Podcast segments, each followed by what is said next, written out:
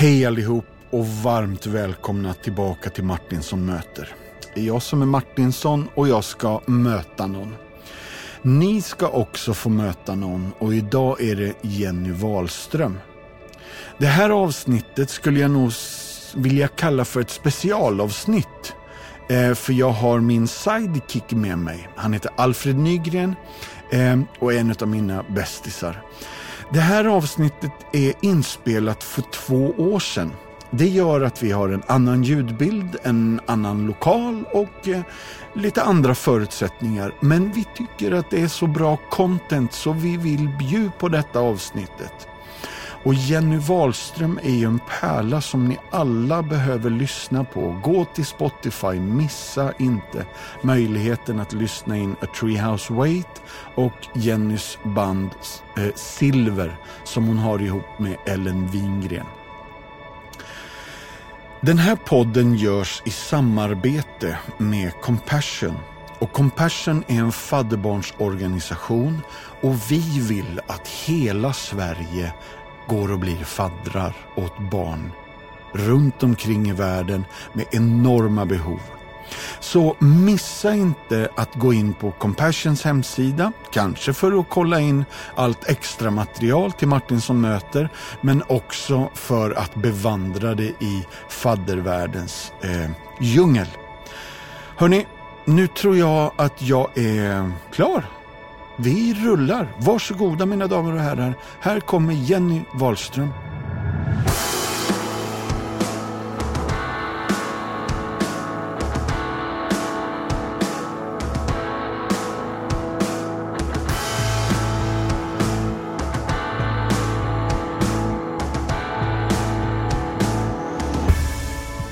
Hej och välkomna.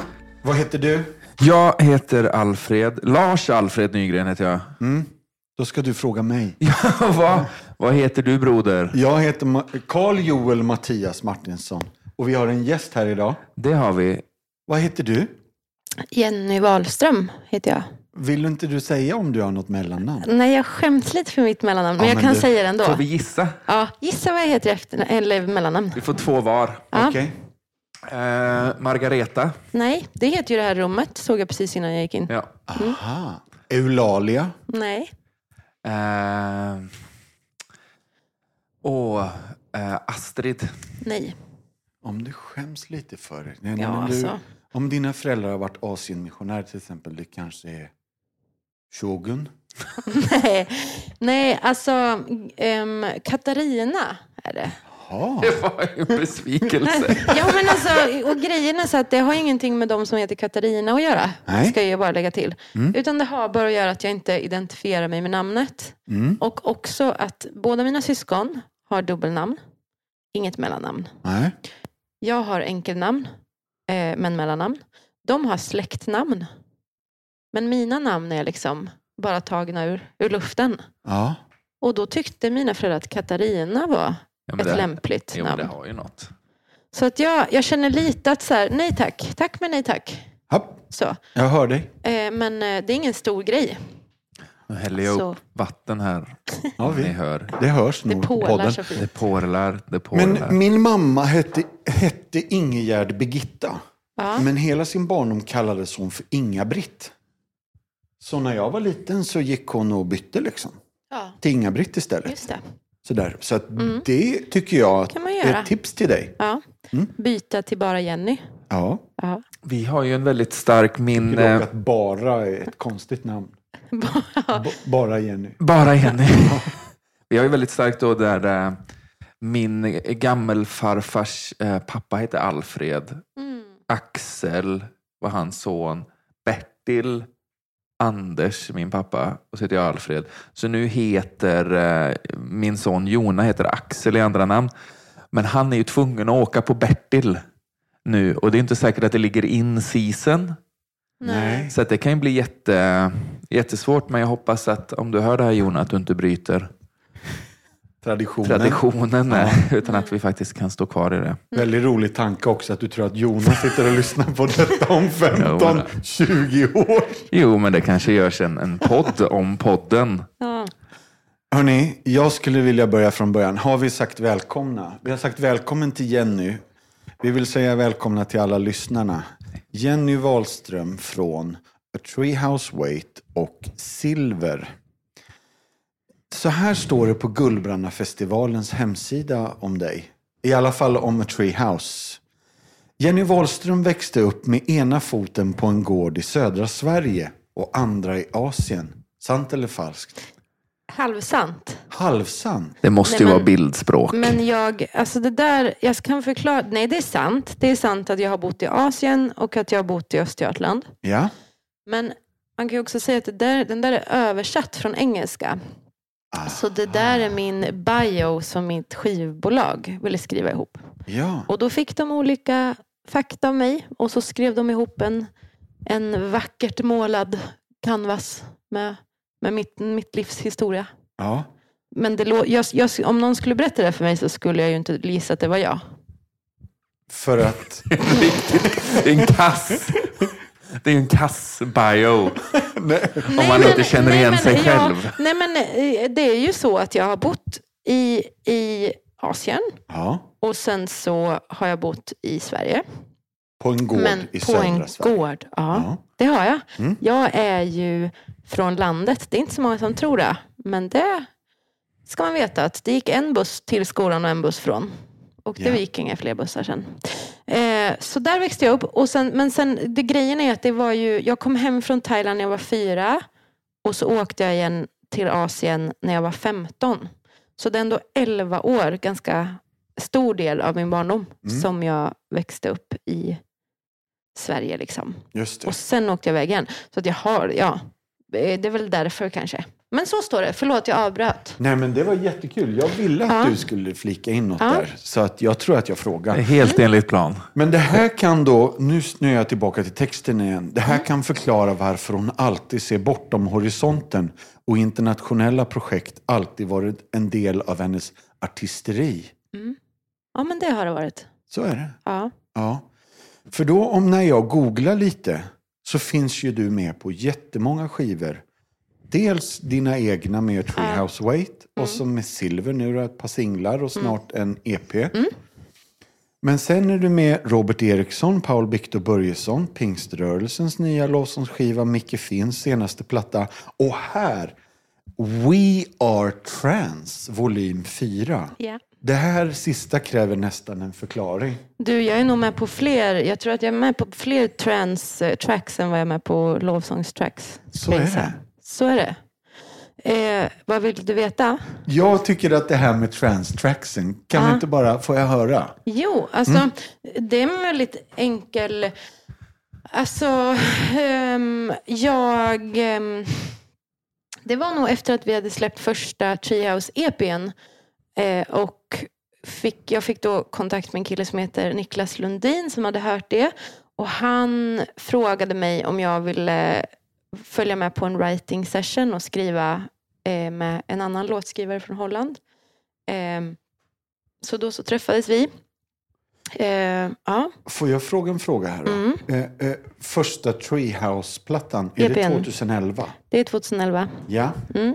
jag bara Vilken skriver koll du har. 2011. För det är ju numera ett album. Mm. Så att EP'erna finns ju inte längre på, på Spotify utan nu är det bara ett album där. ah, Men då så fick jag följa med på en writing session och det var min första writing session någonsin. Eh, och eh, för jag, om jag ska vara ärlig så, och det ska man ju vara, eh, ja. så, så frågade jag Gud om jag fick eh, skri, börja skriva låtar till andra. Och då ringde Niklas efter en vecka och sa hej, vill du vara med på en writing session? Så då fick jag vara med. Och då skrev vi tillsammans med en tredje kille som heter Leon Paul Palmen. Eh, och då så blev det en låt som först skulle till en DJ som heter Tiesto. Men han ville inte ha den. Så han skickade vidare det till hans vad ska man säga, lärjunge Martin Garrix. Men den står inte, mitt, mitt namn står inte med i titeln liksom. Men det är jag som det är jag som har skrivit den och sjunger den kan man säga. Eller Ja. det är jag som är med och skrivit det mesta. Där på melodin och texten. Och sen tillsammans då med Niklas och Leon. Och sen så, så då så spelade vi in den låten och då hade han Leon som jag skrev låten med, han hade en annan låt som skulle släppas med en annan DJ som heter Ferry Corsten. Och då undrade han om jag kunde lägga sång på den. Så det är den som mitt namn står med i, tror jag. Just det. Eh, och sen har jag sjungit för en massa andra DJs och så. Eller så att det blev liksom som en snöbollseffekt. Där. Japp. Ett väldigt transigt namn att heta Leon. Ja, Kan man känna att det Men är... det var Ja. något annat namn med bara liksom massa... Ja, men det kändes ju mer tag. Garrix. Nej. Nej, det var inte så långt. Men det, det, något tidigare var Han som tre- inte ville ha Tre, låten. fyra namn. Eh, Tiesto. Ja, det känns ju mer taget. Ja, Ja. Nej, men, ja, ja, jag vet inte de här. Ja. Men det är, ju, det är ju för att den världen är så ovana vid eh, musiker.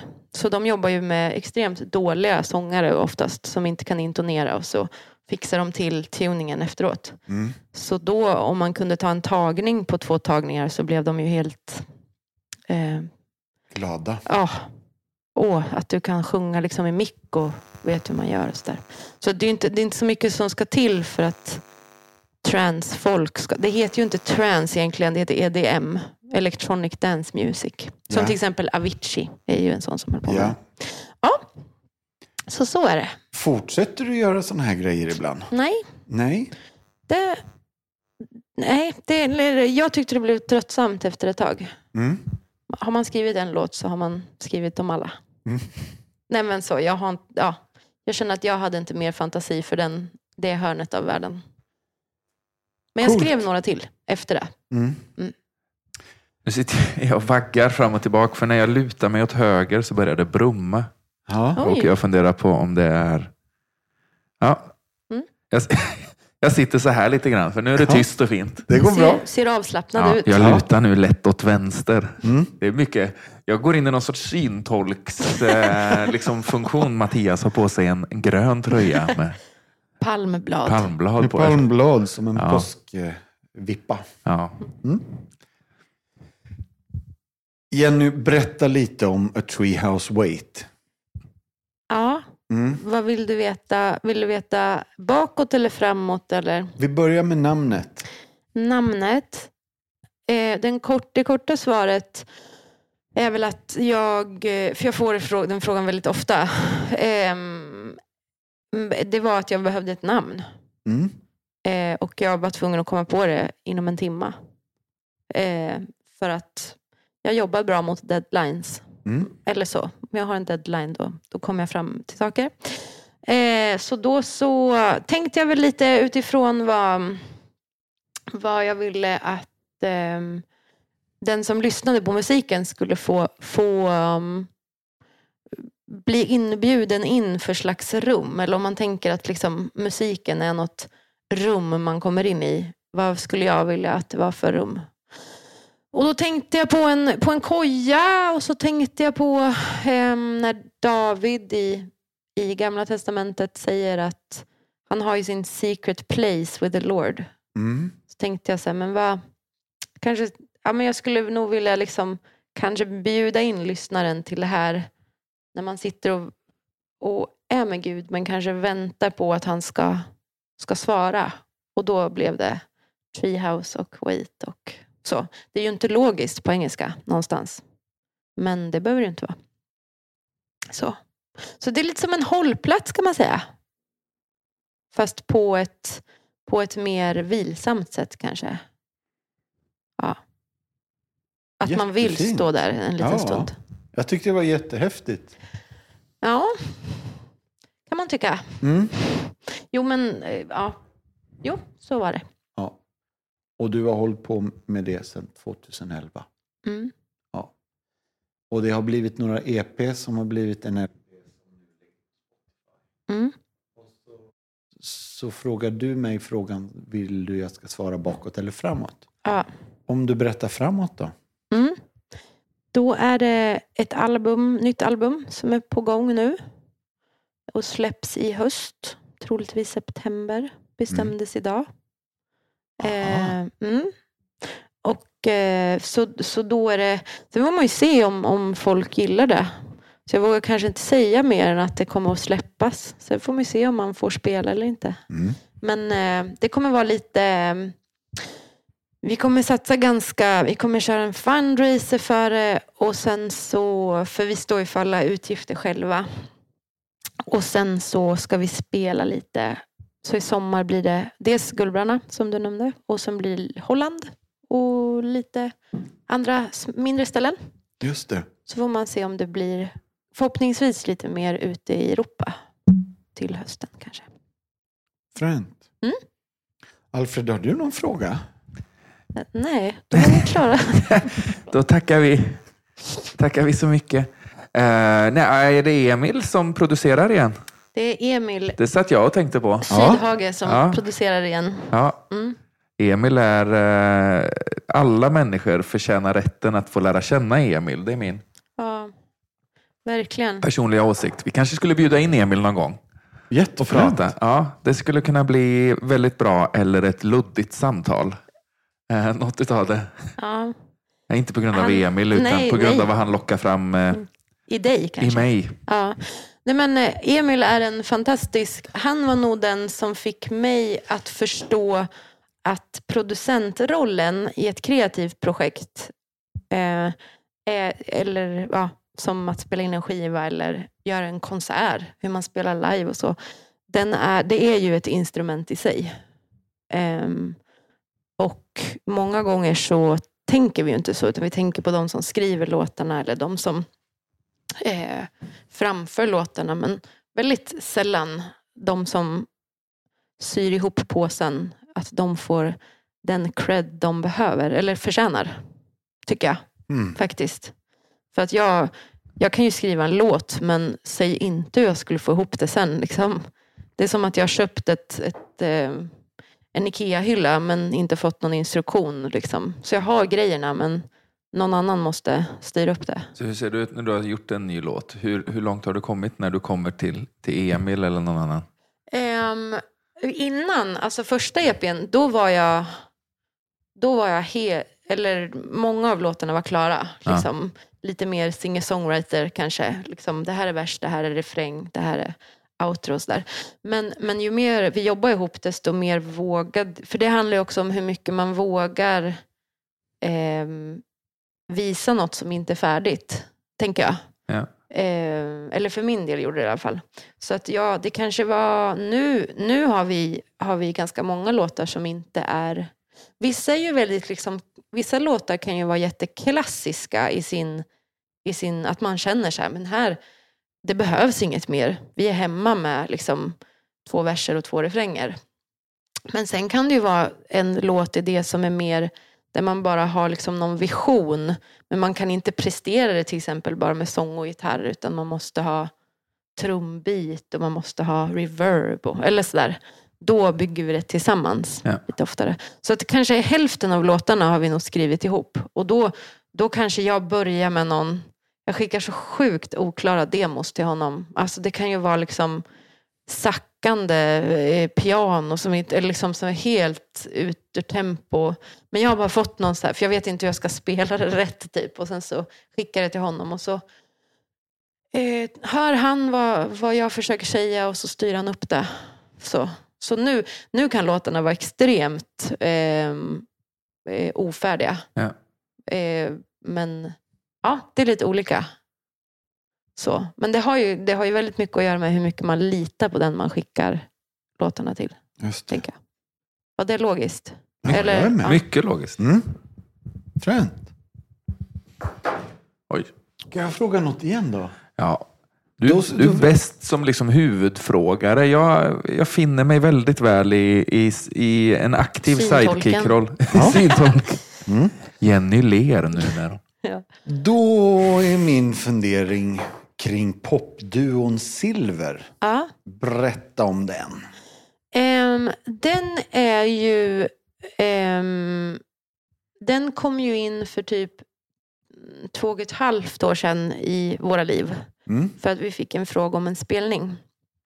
Ehm, så då så satte vi oss ner och skrev. ganska mycket på egna håll, jag och Ellen. Ehm, och sen så ja, började vi spela. Så vi spelade ganska mycket live innan vi spelade in. Mm. Eller så. Eh, och nu så, vi spelade ju in för ett och ett halvt år sedan. Eh, men det har tagit lite tid med olika grejer och så här. Ehm, så nu är det färdigt. Så vi väntar på att få släppa det. Någon gång förhoppningsvis innan sommaren tar fart. Mm. Allt för mycket. Och, det är Ellen- jag och Ellen Wingren. Just det. Mm. Eh, fantastiskt duktig sångerska och kreatör på alla möjliga sätt. Mm. Eh, men vi bor ju inte i samma stad. Och sen så har ju, ja men, och att jag har Treehouse och jobbar som låtskrivare lite vid sidan om. Det gör ju att det blir lite så här på, ibland så är det jättemycket silver och så är det inte så mycket. Och så är det jättemycket och så är det inte så mycket. Och så. Ja. Mm. Frizonfestivalen skrev förra sommaren så här tror jag. Tillsammans har de skapat minimalistisk och genialisk indiepop på svenska. Deras texter är raka, träffsäkra och briljanta. Vi ser så mycket fram emot att få lyssna på dessa två unika, starka, känslofyllda röster som Silver utgör. Förbered er på magi. Mm. Fint. Det var fint. Mm. Och det är lite sant också. Mm. För ni skapar något väldigt spännande och lite unikt tycker vi. Mm. Eh, vad tror du att det kan vara? Um, jag tror att det är många, många olika delar. Um, jag tror att... Um, oj. Uh, jag vet inte. Jag kan tänka att i alla fall inom kyrkan att man kan vara ganska ovan vid eh, viss, att vara ärlig med vissa saker. Eller att vara ja, men upfront med, med vissa känslor eller att man känner sig otillräcklig. Eller, att man, eller sådär. Vi skriver ju mycket om rädslor eller vad vi längtar efter eller väldigt ja, alltså lite så här, eh, abstrakta saker kanske som inte nödvändigtvis, vi kommer ju till det också, men, men det är inte nödvändigtvis liksom eh, jag har hört om en stad ovan molnen och en gång, ja en dag, snart så är jag där. Liksom. Mm. Det, är inte, vi behöver inte, det kanske inte är behovet av att sluta cirkeln hela tiden. Liksom. Att jag längtar och Gud har räddat mig och så nu är jag hemma och nu är allt bra igen. Så. Utan att man vågar säga det utan att, utan att det är, ehm, är inte okej. Eller så. Det tror jag kanske inte att jättemånga gör och särskilt inte om de skriver på svenska. Kanske, kan jag gissa. Sen är ju både jag och Ellen väldigt erfarna sångerskor. Ehm, och det är inte heller alltid... Alltså jag menar, man blir ju bra om man jobbar hårt. Eller så, så är det ju. Eller liksom om man, om man övar och, och gör sin grej. Så, så, eller man blir ju bättre. Eh, och det tänker jag också att man är lite ovan vid ibland. Eller man. Men att, att vi... Eh, om man ska generalisera mycket så eh, är det ju att många i kyrkan är ju väldigt dukt, duktiga på musik generellt. Liksom, för att man håller på mycket med musik. Man kan några ackord på många instrument. Och man vet liksom hur musik i det stora hela fungerar. Men man kanske inte alltid har ett finslipat... Eh, man kanske inte har slipat liksom det här vissa grejer bort som, som professionella artister och musiker gör. Liksom, som du måste göra för att... Eller så här. Och det tror jag att både jag och Ellen har när vi sjunger. Så det gör också att det inte är så mycket och på det sättet är det inte så mycket att störa sig på, tror jag. Det här är ju ingenting man tänker på, tror jag inte. Nej. Men om jag skulle analysera så blir det en slags... Att det kanske känns proffsigt för att vi vet vad vi gör, i alla fall rent vokalmässigt. Får jag säga så? Ja, jättebra. Nu är det sagt. Nu är det, sagt. Nu är det för sent. Nej, men jag tror det faktiskt. Mm. Ehm, ja. Coolt. Jag hamnar i bruset igen. här. Nu lutar jag mig lite. Så. Ja. Sluta dig. Nej, men det är ingen fara. Här är det tyst. Mm. Jenny, om du skulle bara laborera fritt. Om jag ger dig två ord nu då och så får du prata fritt om dem. Mm. Orden är kreativitet och skapande. Mm. Du har fem, nej, kör klara färger. Ehm, oj, nu måste jag tänka. Jag tänk, är det någon skillnad på skapande och kreativitet? Ingen aning. Jag tyckte det var Nej. bara parallella. Ja, jag tänk... Ja. Ehm. Eh, jag tror... Det är ju väldigt...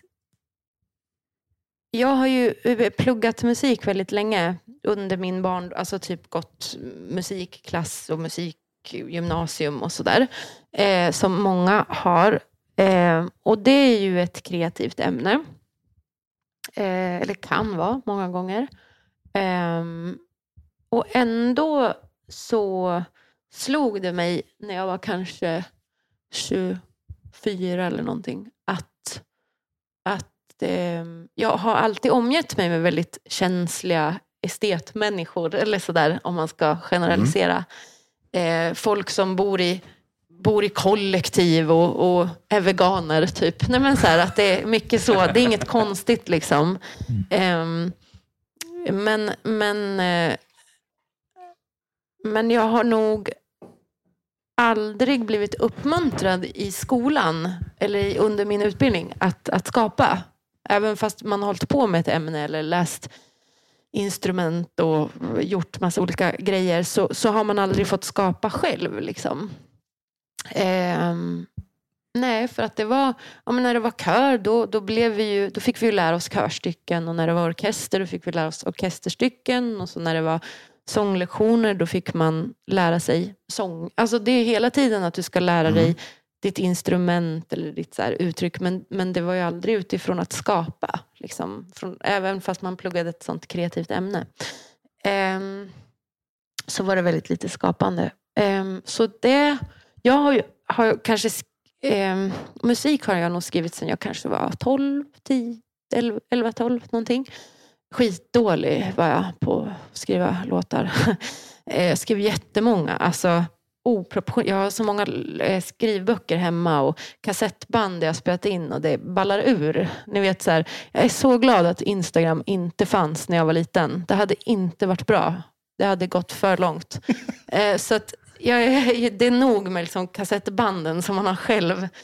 Ehm, och jag skrev så må- jätte, jättemånga låtar, men de var väldigt dåliga. Ehm, men jag skrev ändå.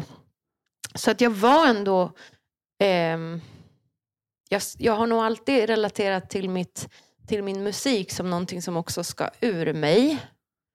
Eh, men det som slog mig för några år sedan, det var när jag skulle spela upp en låt som jag hade eh, skrivit och jag tyckte att den var så sjukt tydlig. Så här. Att bara jag spelade den på gitarren och sjöng så var det så här, det är ju så himla obvious vad jag vill säga och vart jag vill med den här låten. Så spelade jag upp det för, för mina, mitt briljanta band. Det här är människor som, som är så vansinnigt duktiga på att spela. Och de liksom, alla satt liksom med lite så här rynka mellan ögonen efter att jag hade spelat den. Och bara var så här, jaha, ja, vad vill du att vi ska göra med den här? Så här.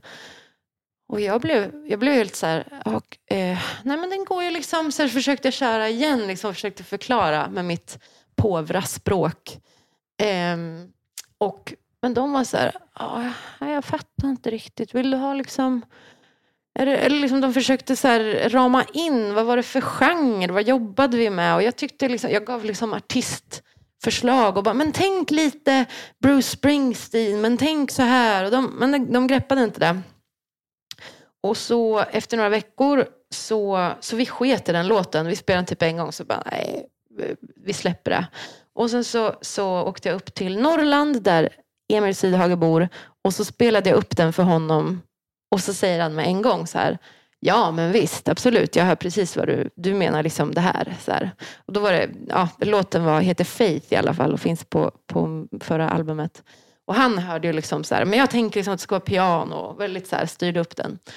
Och så spelade vi in den i studio och sen så tog jag tillbaka det till bandet. Och då bara, ah shit vilken låt, vad bra den här var. var liksom, är den ny eller? Så, så här. De minns inte att de har spelat den innan. Och så bara tyckte jag att det var ett intressant fenomen. eh, om hur man tar emot saker som inte är färdiga eller hur man hör saker som man inte är van vid att höra. Eller liksom, vad, vad är det som gör liksom, att man att jag till exempel kunde sjung, spela upp den för Emil och han förstod absolut hur den här låten skulle låta. Um, men jag hade till exempel inte, inte ord att förklara det för, för mitt band. Men jag hade den här bilden av hur jag ville ha det. Och de hade inte, förstod inte just då vad det var de skulle ta emot. Eller liksom. Jag tänker just det där att skapande många gånger är, i alla fall i musiken, att det många gånger är att höra det som inte hörs eller att, att tänka sju steg framåt. Liksom. Um, och att inte vara begränsad av vad som, vad som inte finns i ljudbilden nu eller vad som inte finns. För mig handlar ja, men just det, vad, vad ser man eller vad hör man eller vad, vad är liksom den här um, vad är den stora bilden som jag försöker liksom få, få med nu eller så eh, och det kan man göra det kan man göra hur stort som helst. Till exempel en bild skulle kunna vara en låt. Men det skulle också kunna vara ett album. Eller ett helt albumkoncept. Eh, det jobbar jag med till exempel på det här albumet som vi håller på med nu. Eh, att tänka, vilka låtar sitter ihop av de här? Vilka har samma ord och hur sitter de ihop? Och sen hur sitter det ihop med vilka kläder jag har då? Och vilken musikvideo vi sen släpper. Och, eller så här, det finns jättemycket, alltså beroende på hur kreativ vill man vara. Nu tar jag mm. in mitt band i, i tänket. Men, men jag tänker att, att för mig handlar det ganska, oftast ganska mycket om att jag har, har inte så svårt att se stora bilder. Men jag tror att kreativiteten många gånger, och också då skapandet, som, som kanske är uttrycket för kreativiteten, eh, blir det som, som på något sätt syr ihop så här helhetsbilden. Eh, det är nog det som driver mig att, för det blir nog ett språk i sig tror jag, för mig att få saker logiska. Ehm, eh, typ att jag skulle kunna tycka att någonting var, säg att jag tycker att någonting är, att jag vill eh, peppa en person som jag tycker är grym. Då kanske jag, då, då vet jag nog mer hur, hur den känslan är och hur jag vill liksom uttrycka det. Alltså det blir, det blir väldigt stora bilder. Eh, och sen så spinner man vid, eller jag vet inte, det blir som något slags språk för mig. Att säga det jag kanske inte alltid kan säga. Um, ja, det är lite...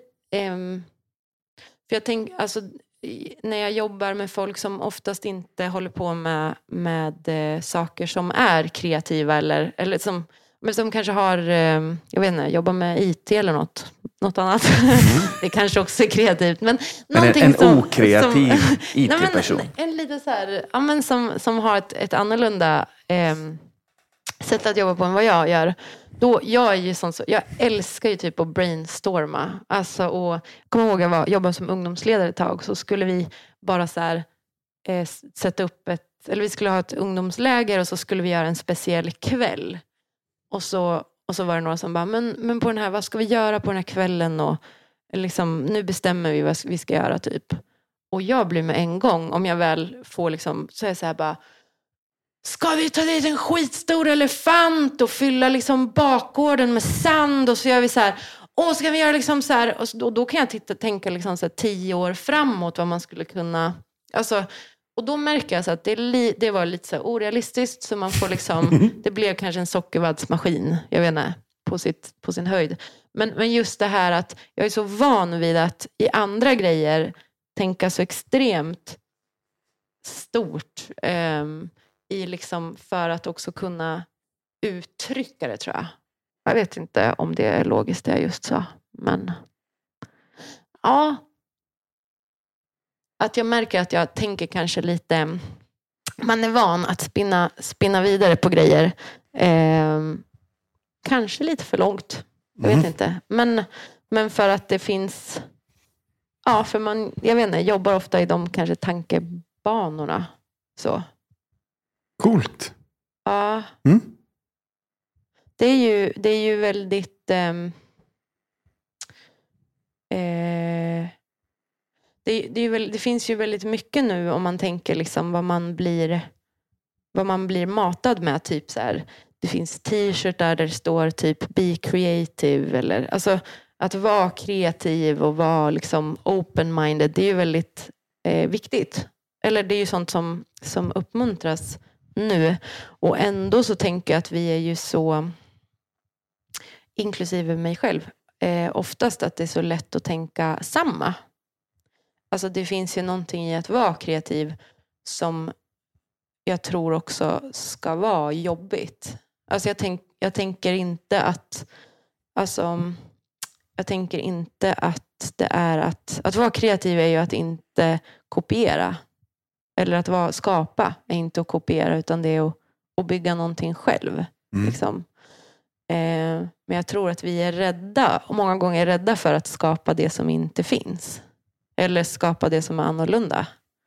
För att man eh, vet inte hur det kommer tas emot. Just det. Eh, så det finns, eller jag kan uppleva många gånger att det finns som en brottningskamp mellan att alla borde vara kreativa eller alla borde skriva sina egna låtar eller alla borde, eller så. Men samtidigt så bara, men vi ser likadana ut. Eller vi, vi, vi skriver samma låtar. Så här. Mm. Ehm, ja, det kan jag tycka är en, en balansgång. Att våga göra det som man vill göra. Eh, Det blir nästan också en fråga om det som är... eh, Alla människor besitter ju ett visst mått av kreativitet men, men har alla förmågan att tänka alltså utanför ramarna? Liksom, eller är det få förunnat att kunna göra det där som inte är, Mm. är gjort och ja, att det fortfarande är hållbart och bra mm, och, och inte bara frispel? mm, absolut. För då är det inte riktigt kreativitet längre Nej. kanske. Utan, Nej men och vissa, jag, har ju, jag känner jättemånga som är fantastiska musiker och deras kreativitet kommer ju loss i när de får en låt som redan är skriven och sen kunna så få in sitt instrument på ett fantastiskt sätt eh, i den låten. Eh, de har inget behov av att skriva själva eller eller så att jag Nej. tänker att den kreativiteten kanske tar sig olika uttryck. Jag och Ellen Wingren, som jag har Silver med, eh, vi pratade om i somras hur, hur vi, jag kommer inte ihåg hur vi kom in på det, men hur vi så här, tänker, eh, hon tänker väldigt bildligt, väldigt grafiskt har jag för mig. Eller så, att hon sa. Eh, och i foton och i så här. Och jag tänker alltid filmmanus. Åh. Eller alltid. Ja, visst. Men jag kanske ska tillbaka, ta tillbaka Mm. alltid. För det, är ju, det gör jag ju inte. Jag sitter Nej. ju inte här nu och tänker filmmanus. Men jag kan ändå vara så här, ha, intressant story. Tänk, då kanske den skulle börja där. Och så, så börjar jag så här, du, du, du, du, Mm. tänka. Och om vi tittar på hur vi skriver låtar. Så skriver ju hon väldigt mycket mer abstrakt, om jag ska generalisera. Och Mm. jag skriver väldigt mycket mer berättelse. Så jag tänker också att, att man har ju många gånger saker som faller kanske mer naturligt för en. Både i hur man, vad man får ur sig och hur man ser saker. Och där, där känner jag att det är som ett stort svart hål som man inte vet vad som finns där i. Alltså om man tänker på människor och vad man har för, Mm. för gåvor och talanger.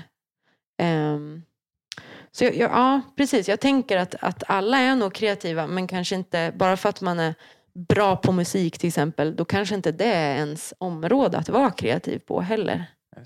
Det vet jag inte. Nej, Eller så här, nej, precis. Mm. eh, jag är inte så säker på det. Jag har träffat extremt okreativa Mm. musikfolk. Mm. Ja. Coolt.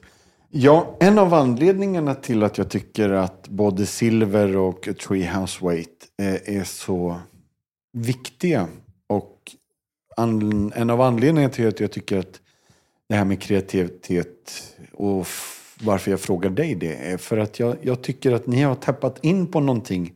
Ni har vågat kliva utanför den här boxen som du pratade om förut. Våga hitta ett språk som man kanske inte har använt förut.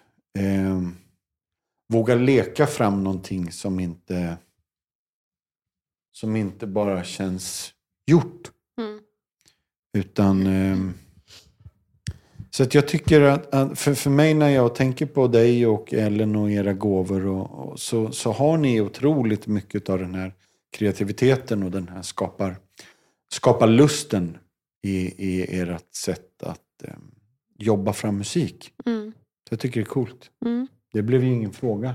Nej. eh, Kul att höra. eh, ja. Mm. Compassion har funnits i snart 70 år och verkar i 25 länder och har 8000 samarbetspartners.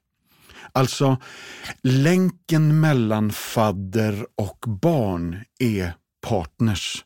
Och det är kyrkor, 8000 sådana. Så vi förmedlar länken och ser till att länken håller. Compassion jobbar gentemot 2,1 miljoner fadderbarn i alla dessa länder. Och för 310 kronor i månaden så är du med och aktivt bekämpar fattigdomen i världen. All den här informationen kan ju du givetvis få på hemsidan compassion.se. Men jag skulle vilja säga någonting till dig som ännu inte har blivit fadder. Om du väljer att bli fadder till ett barn så hjälper du ju det barnet och dess stora behov. Men du hjälper också dig själv. För din värld blir större och du tjänar inte bara pengarna till dig själv. Lyssna här nu då. Det finns statistik som säger att en fadder faktiskt mår bättre av att ge till andra. Så hela den här jultomtegrejen, det är bättre att ge än att få, det är hämtat från Jesu ord i Apostlagärningarna. Så jag tror på fullaste allvar att din värld kan bli större när du väljer att bli en fadder. Hörni, det var min pitch för idag. Jag tycker att det är viktigt med fadderbarn och jag tycker det är viktigt för oss som är faddrar att förstå allvaret och meningen, djupet och tyngden och glädjen och välsignelsen av att bli fadder. Så, bli fadder, det var det jag ville få sagt idag. Hörni. Nu tillbaka till samtalet med Jenny. Jag hade ju någon sån eh, vända när jag kände att nu, nu skiter sig alltihop. Nu, Mm. nu, liksom, eh, nu, nu rasar hela min liksom, arbet, arbetstillvaro. Det skedde lite förändringar i kyrkan där jag jobbar. Och, och nu, du vet, känslan av att tappa fotfästet. Och så sitter jag på mitt kontor och så går jag in liksom på Facebook för jag känner att jag kan inte jobba. Eh, och, så, och så, då är det Faith då, va? Som dyker upp i mitt Facebookflöde. Och, och ibland så, så får man ju en käftsmäll på ett bra sätt. Eh, och, och då, och då, liksom då, då, då slår det mig liksom att det finns folk som, som skriver sånger och det är, det är härligt med nya sånger. Men ibland så, så finns det folk som, som skriver sånger som, som ger röst åt någonting. Som, som ger bäring åt någonting. Kanske liksom som en one-off grej. Eller som någon sorts liksom kallelse, som någon sorts grej som Gud faktiskt använder den människan till. Att, att ge människor en, en, en sång att sjunga eller en sång att lyssna till. Eh, och för mig blev det ett sånt väldigt liksom, eh, moment av att det här behövde jag höra. Eh, vad tänker du om det? Det blev en fråga. Nej, men, Mm. nej, men jag tänker alltså kreativitet kopplat till någon sorts liksom, profetisk liksom, Mm. flavor. För för mig blir det det. Mm. En profet. Är du, liksom, vad, vad känner du om att jag Mm. känner så? Nej men det tycker jag är gött. Alltså, jag vet, men det är väl kanske det jag tänker också lite på med att vara ärlig. Eller, ehm, det beror väl vad man, på vad man får sin, sitt bränsle ifrån, liksom. Att skriva och sådär. Men ofta så skriver ju jag eh, utifrån när jag känner någonting väldigt starkt. Och många gånger så är ju det att allting kommer skita sig eller att det redan har skitit sig eller att Gud har glömt mig eller att det känns eh, som att sommaren aldrig kommer komma. Alltså, det, finns ju, det finns ju en uppsjö av pissiga helvetesdagar som, som man måste få ur sig. Ja. För grejen är också att när man har fått ur sig dem, då är det inte lika stor grej längre. Eller så. Jag har en låt som, som jag skrev eh, som heter Never the same som inte finns på Spotify längre. Men den, jag skrev den för att jag, eh, eh, eller ja, jag vet inte varför, jag, det kanske inte var därför jag skrev den, men det blev i alla fall att den handlade om när jag eh, kämpade med att jag tyckte att jag var så himla ful. Eh, jag vaknade en, en söndag morgon och skulle till kyrkan eh, och vä- ville inte gå ut. Alltså jag blev, fick så panik över mitt egna utseende. Så att jag var så här, jag vill, jag vill inte liksom. Och så satt jag så hela vägen till kyrkan och sa till mig själv, fast jag tänkte ju inte på att jag tänkte det. Men att jag tänkte hela tiden här, jag är så ful, jag är så ful, jag är så ful, jag är så ful. Liksom. Tills jag kommer in i kyrkan och då träffar jag en kvinna som heter Marie Noel. Och det första hon gör, det är att hon kommer fram till mig och så tar hon mitt ansikte i sina händer och så säger hon så här, du är så vacker. Mm. Och så bara helt plötsligt är den här eller då märker jag att jag för det första har tänkt på det hela tiden, att jag är ful. Och sen är det borta. Mm. Så här. Men det roliga är att ju mer, eller sen jag har skri- spelat den låten och fått ur mig det, det jag har typ inte haft så många sådana fuldagar efter det. Eller, eller så här, det har inte haft samma makt över mig på Ja. något sätt. Så.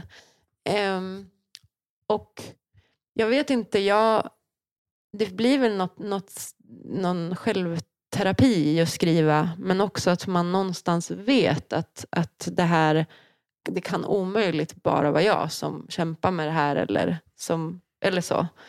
Ehm, så då släpper man det. Men det är ju många gånger, det var någon, det var någon gång för några, något år sedan som jag ville skriva en låt om att jag var själv en lördagkväll.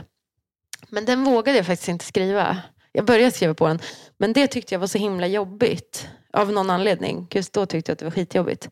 Så jag, för att det, ibland kan det vara ganska, sak, även om det är allmänmänskliga saker, så kan det vara så stigmatiserat att prata om, eller att sjunga om det. Så här att, eh, är jag den enda som är ensam? Eller, eller så. Visst. För att när man väl också har uttryckt det sen, så det kommer ju alltid några som inte känner in och som ska ställa frågor om det. Och det, det behö- man behöver inte alltid svara på det. Som ni till exempel. Nej jag skojar. Mm. Nej, men, nej men eh, som folk som, som vill liksom, ah, why did you write this song? Så här, och så vill de ha ett två sekunders svar. Att det är en, en Och- liten jobbig amerikanska som ställer frågan. Jo, men Ja. alltså ni vet, jag har ju varit på, jag har ju spelat i USA när folk har kommit in så här, mm, efter första, vad ska man säga, sättet och så ska jag på snart igen så bara, can you be a little bit more funny? Att de vill att jag ska vara roligare på scenen. Och då är det ju bara så här, nej, jag drar. Eller jag får sån o... Sånt, det går inte liksom för mig. Det är inte mitt kärleksspråk. Så jag är väl kanske för, för depressiv för att, för att eh, vara en bra underhållare. Men, men jag tänker att det, i det jobbiga, att vara ärlig eller att vara transparent eller sårbar, så här, då finns det ju också kanske det starkaste. Eh, jag tänker att Gud jobbar väldigt mycket med det. Jag tänker att det är min, min bön för första EPn som vi gjorde 2011, det var, det var liksom att, att det skulle eh, att, ja, men att, att, att Gud skulle, skulle få visa sig på Mm. olika sätt. Och där skriver jag ju jättemycket om, om ångest och om eh, eh, eller panikångest och om massa olika, att inte känna att man är nog och så här. Och det är ju jättemånga som, som har just återkommit om just de grejerna. Mm. Så här. Eh, och det känns ju så himla värt. För om det är någonting som också vi har att erbjuda den här världen så är det ju att vi har ju ingenting att förlora. Inget ansikte, inget anseende, inget, ingen stolthet. Eller så här. Så då är det ju bara att köra på. Eller jag behöver ju inte hålla upp någon fasad att jag är perfekt. Mm. Varför, eller eh, varför ska jag göra det? Mm. Ehm, och det, utifrån den platsen så har man ju allt att vinna. Ja. Ehm, och folk, jag tycker, får alltid prata med folk som, som inte är troende. Som, som liksom aldrig ens har tänkt att det går att prata om. Att känna sig ensam eller vad det nu är. Eh, ja. Så ja, kul att höra om det. Jag kan säga att den låten, Face, skrev jag eh, efter att jag hade varit i USA och de hade sagt det att Can you be funny? Eh, och det hade nog snittat på tio folk i publiken på varje ställe jag hade varit spelat.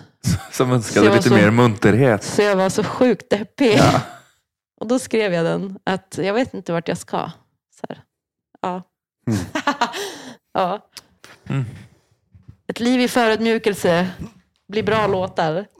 Ja, jag tänker ju, alltså, sen några veckor tillbaka så har jag levt med en tanke utifrån Jakobsbrevet. Där Jakob uppmuntrar oss att inte se på Bibeln som ett fönster där vi tittar in i någon annans liv. Utan ser det som en spegel. Så att när jag läser och när jag tittar på Bibeln så är tanken att den ska ge en reflektion som jag kan se mig själv i. Och där tycker jag mig höra skillnaden när du beskriver det här nu då. Att, för det finns många artister som berättar, här är en spegel in i mitt liv. Jaha, så kände han och så mår han. Men ditt artisteri är inte bara liksom självutlämnande i, den här, i det här fönstret. Utan det jag tror folk upplever är att de känner sig speglade. Mm. Och då får man också tröst i det Mm. då finns det också helande i Mm. att ja men du, någon Mm. annan har känt så här också. Mm.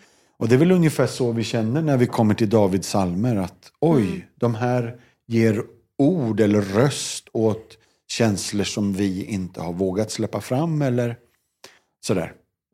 Ja, Coolt. ja jag tycker det är bra. En bra bok. En Mm. bra bild Ja. också. Mm. Om jag ska säga ett par ord igen nu då. Mm. Ska jag köra två ord? Jag tar en sån igen. Jag tar två Ja. ord där då. Då är orden lovsång och tillbedjan. Mm. Mm. Fritt eller? Var det det som var Fritt. grejen? Mm. Ja. Ehm, lovsång har jag väl ett komplex, en komplex relation till. Mm. Tillbedjan eh, är ju... ehm, vad ska, vid vad ska likna tillbedjan? Nej men, eh, jag tänker att tillbedjan är väl det som, som jag tänker att man som barn var grym på. Och sen, och sen blev man mer medveten och så kanske man tappade lite.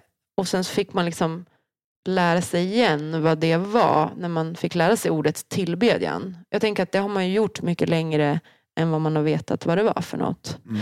Ehm, och då menar jag alltså att tillbe Gud med sitt liv. Och det tänker jag att man gör främst genom att vara sig själv. Eh, och att lita på att han är den han utger sig för att vara. Ehm, och ehm, ja, det tänker jag om tillbedjan. Mm. Jag tänker att eh, jag vet inte, jag kan ju bara utgå från mitt liv. Men, men så här, alltså när jag var åtta, nio år, det, jag var så sjukt eh, fri av så här att nej, men jag gillade ganska mycket att ta plats och sätta upp teatrar och eh, liksom bara var, kände liksom att det var, det var gött att ta plats och höras och leva, liksom, skratta skratta högt och liksom bad inte så himla mycket om ursäkt. Berättade gärna för folk om ja, men jag vet inte, det vi hade lärt oss i söndagsskolan. Och, alltså så att det var, man var liksom ett med hela sitt liv på något sätt. Mm. Och sen så blev man typ 10-11 och så började man bli så medveten. Typ att just det, det här kanske man borde göra. Eller det här, så här. Och sen så slutade man ju vara den personen som man var när man var 8-9.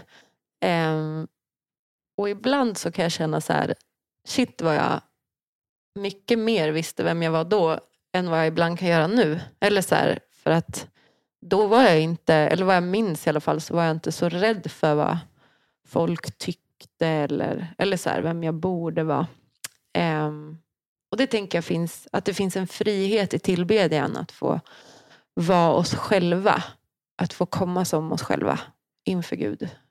Um, lovsång är ju liksom det musikaliska uttrycket kan man ju säga. Eller verbala och musikaliska uttrycket av tillbedjan. Rätta mig om jag har fel. Jag sitter ju här med två ganska så tunga lovsångsdudes. Men, men... Ähm, nu ler vi nöjt. Äh, ja. Det... sitter här med Abraham och Jakob, eller Abraham och Isak kanske. Mm. Men, nej men... Eh, eh, och det har väl jag en kanske lite mer så här, nästlig relation till.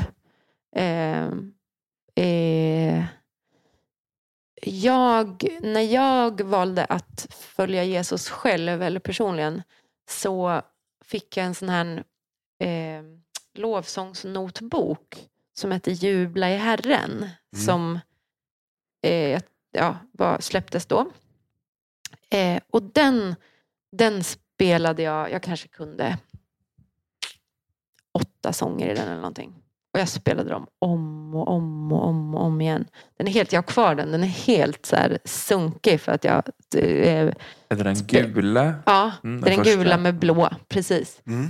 Eh, och då var jag, för när jag var tonåring så var jag den enda kristna i eh, dels min skola, tror jag, vad jag vet, med 500-600 elever. Och sen så i min, den enda kristna tonåringen i min kyrka. Liksom. Så jag hade ingen, inget sammanhang så, så mycket. Eh, och då var lovsång, det var jag och Gud.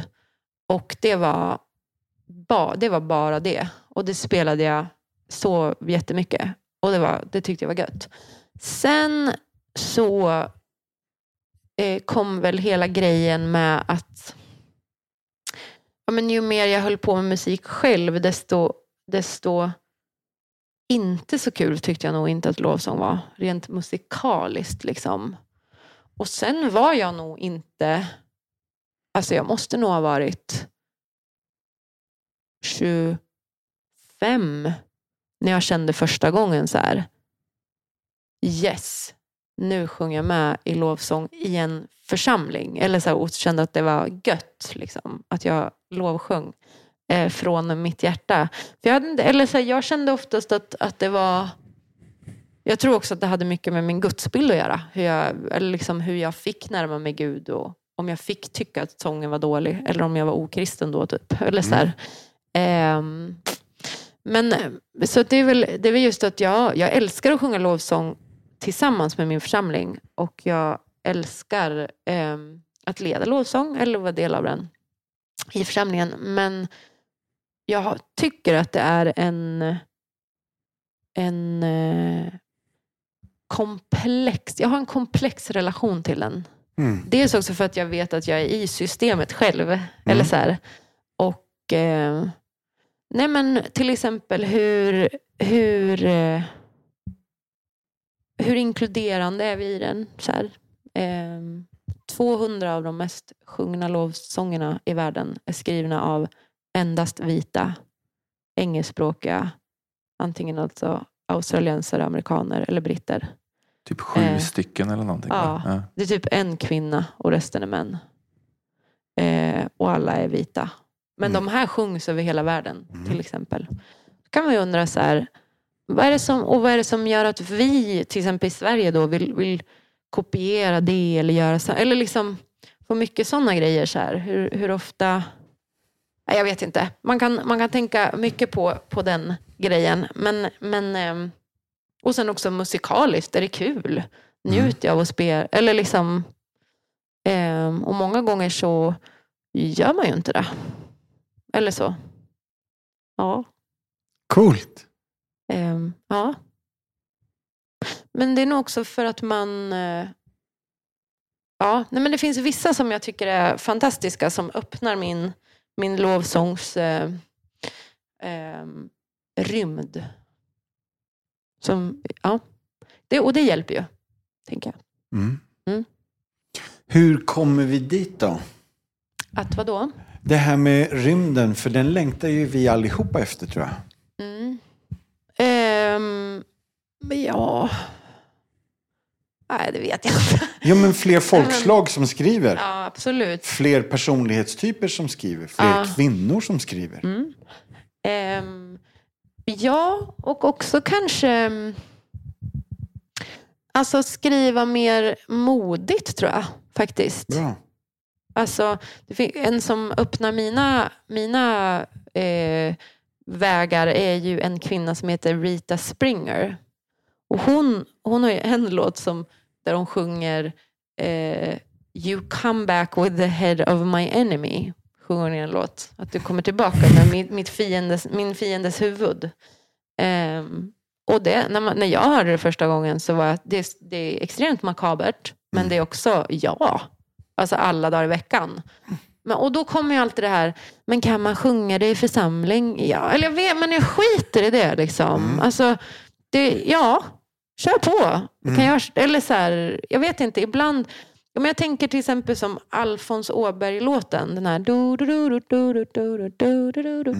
Mm. Det är ju typ Sveriges kändaste, var det 13 takt eller något. Alla barn kan sjunga den. Alltså så. Varför då? För att de har hört den många gånger.